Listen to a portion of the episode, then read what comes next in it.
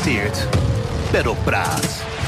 Hallo en fijn dat je luistert naar Paddock Praat, de podcast van Formule 1 Magazine. Mijn naam is Sjaak Willems en aan de telefoon heb ik collega Daan de Geus. Hij is in Montreal voor de Grand Prix van Canada dit weekend. We gaan het over de vrijdag hebben in Montreal, waar het nou ja, vooral weer ging over het porpoising en dan vooral de, de aankondiging van de FIA dat er uh, nou, een soort van toezicht gehouden gaat worden. Hoe gaan ze dat uh, aanpakken? Dat gaat uh, Daan zo uitleggen. We gaan het nog even hebben over de sessies vandaag. En we sluiten af, zoals altijd, met het weerbericht. Daan, goedenavond. Um, het regent inmiddels. Vlak na de training barstte het los. Hebben we het zo nog even over. We beginnen ja. natuurlijk even met het hele porpoising verhaal. Want de FIA kwam uh, op de donderdagavond met het bericht: wij gaan uh, toezicht houden op nou ja, in hoeverre de auto's aan het stuiteren zijn. En ze willen daar een soort van maximum aan stellen om nou ja, de veiligheid van de coureurs te garanderen. Zeg ik het zo goed? Ja, zeker. En het gekke is, dat was eigenlijk ook gelijk het hele statement. Er werd verder heel weinig verduidelijkt over hoe ze dat gaan doen, hoe ze het gaan handhaven, uh, hoe ze teams willen dwingen om eventueel hogere rijhoogtes te gaan gebruiken uh, om porpoising tegen te gaan. Uh, dus het ja, zorgde nogal wat verwarring, want ook onduidelijk was van ja, vanaf wanneer gaan ze dat nou doen? ja, niet vanaf Canada dus in ieder geval. Nee. Um, maar ze gaan nu alleen data verzamelen. Okay. maar ja, het, het, was een beetje dat je denkt van oké, okay, goed dat er iets mee gedaan gaat worden, hè, want dat, ja, veel mensen zijn het toch wel over eens dat het een, een, gezondheidskwestie is natuurlijk.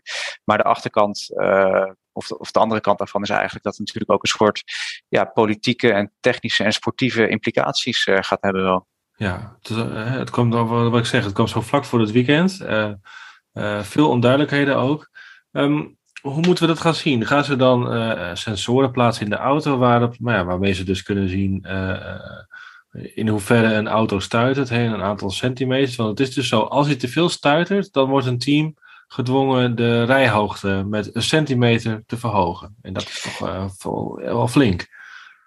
Dat is zeker veel. En dat is inderdaad nu zoals het omschreven wordt uh, of uitgelegd wordt door de FIA. Dat ze het zo dus willen doen. En ze willen dat dan gaan meten ja, met sensoren. Waarschijnlijk aan de hand van ja, de, de G-krachten die, uh, ja, hoe zeg je dat? Die, die, die, die, die verticaal gegenereerd worden. En uh, er, gingen wat verhalen rond dat tussen de 5 en 6 G uh, op de coureurs hun lichaam kwam. Ja. Uh, ja, hoe zeg je dat? Te liggen, gedrukt werd puur door, puur door dat porpoising inderdaad. Ja. En, en Hamilton... Ja, gewend aan G-kracht op hun nek, hè, links en rechts. Ja. Maar dit is dan van boven naar beneden. Dat is toch wel weer, wel weer apart.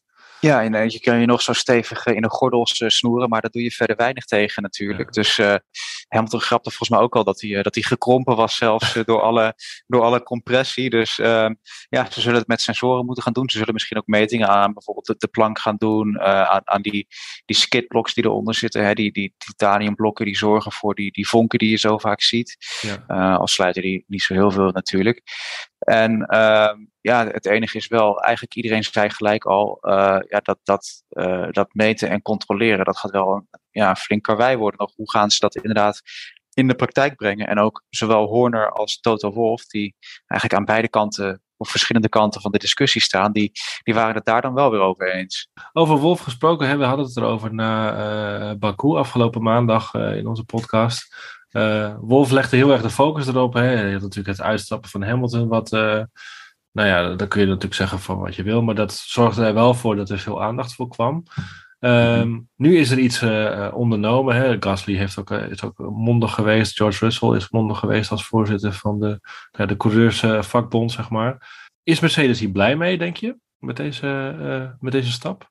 Nou, ik denk als je het enigszins wil, wil, wil, wil samenvatten met een taalkundig grapje, dan is het misschien uh, wie een kuil graaft voor een ander, die stuit het er zelf in. Want uh, het lijkt er toch wel op dat Mercedes hier misschien juist de dupe van gaat worden. Ja. Um, omdat zij natuurlijk dat porpoising dus juist niet onder controle hebben. En ja, zolang dat het geval is en je te veel uh, stuitert, ja, dan zal je dus ja, bestraft, tussen aanhalingstekens, worden door, door die maatregelen. Ja. Um, door, door vermoedelijk het verhogen van de rijhoogte. En ja, dat kost natuurlijk enorm veel performance. Dus gek genoeg uh, kan Red Bull hier misschien juist wel eens heel erg van gaan, uh, gaan, gaan profiteren. Ja. Um, omdat ook Ferrari natuurlijk, ja, dat hebben we in, in, in Baku gezien en dat zien we nu hier weer in Canada, uh, behoorlijk last heeft uh, van, van het porpoising. Ik neem aan dat Max Verstappen zelf, hè, Red Bull heeft er toch een stuk minder last van. Christian Horner zei dat ook nog tijdens de, de, de, de, vrije training bij de collega's van Sky. We hebben het in het begin enige last van gehad, maar dat hebben we opgelost. Dus ja, Red Bull heeft zoiets van, vooral ook liever niet. Laat ze het maar oplossen. Nee, precies, want het is natuurlijk toch iets onzekers. Dus ondanks dat zij waarschijnlijk ervan gaan profiteren en dat ze momenteel gewoon ja, veruit, de snelste, ja, veruit de snelste auto misschien niet, maar gewoon een van de snelste auto's hebben, uh, is het toch een soort onzekere factor. Ja. Uh, en ze willen natuurlijk niet dat een ander team in een zetel wordt, uh, wordt geholpen hierdoor. Maar nogmaals, het lijkt er dus niet het lijkt er voorlopig, dat nee. nee. Precies, precies. Want als maar, we even afgaan op vandaag, we zagen mm -hmm de Mercedes er toch ook vooral worstelen. George Russell eindigde als zeven in de tweede training. Eh, en uh, Lewis Hamilton, moet ik het goed zeggen, als dertiende uit mijn, uit mijn hoofd. Ja, klopt. Dertiende, ja. Veel geklagen. Hamilton had het zelfs over undrivable. Carlos Sainz had het nog over... Uh, het is nog erger dan in de eerste training. De, de, het stuiten is weer heel erg, jongens. Het is in ieder geval nog niet onder controle. Dat, uh, dat is duidelijk. Nee, zeker niet. En wat jij net aanhaalde ook van Red dat die het eigenlijk heel snel hadden opgelost, eigenlijk tijdens de wintertesten al. Hè? Um, dat was wel opvallend, maar dat schijnt toch vooral wel in, in de vloer te zitten die ze gebruiken. En uh, ja, dan kijk je toch naar de knappe koppen daar als Adrian Newey, die natuurlijk in de jaren tachtig veel met het uh, ground effect heeft, uh, heeft gewerkt nog. en Pierre Waché, de technisch directeur daar. die toch met iets gekomen zijn blijkbaar wat ja, A, heel goed werkt en B, wat niet 1, 2, 3 te kopiëren is door de andere teams. Want Mercedes heeft eigenlijk elke race weer een soort van updates of, of, of nieuwe setup die ze proberen. Maar niks, niks lijkt eigenlijk te werken. En ook dit weekend had Hamilton in vrije training 1 een behoorlijk andere vloer dan Russell. Maar ja, die lijkt ook niet... Er een soort gat inge, ingezaagd. Ja. Hè? Ja, het zag er echt een beetje uit alsof iemand inderdaad even, even, even de boormachine of, uh, of weet ik wat had gepakt en uh, tekeer was gegaan. Maar uh, ja, nee, het, het, maar ook dat leek, leek, leek, niet echt te helpen. Dus het is, het, ja, ze zijn er al zo lang mee bezig. Het is echt een ja, slepende zaak. eigenlijk of, of hè, bijvoorbeeld zoals bij Red Bull, of ze het daar hebben aanzien komen. Zou er iemand zijn geweest die dat heeft uh, nou ja, voorspeld, zeg maar? Ja, nou, er gaat dus wel een verhaal de ronde. De ronde en dat, een aantal Engelse media berichten daarover. Dat er dus vorig jaar blijkbaar tijdens die ontwikkelingsfase een discussie is geweest tussen de teams of bepaalde teams en de FIA. Van hey, wij zien dat porpoising als een, als een mogelijk probleem dat kan ontstaan. Hè. Op dat moment weet je dat niet zeker, want het is natuurlijk moeilijk te simuleren, maar het werd wel geroepen. Uh, blijkbaar is er toen ook gesproken over mogelijke ja, oplossingen of kunstgrepen uh, om, om uit te voeren, maar hebben de teams toen besloten dat niet te doen.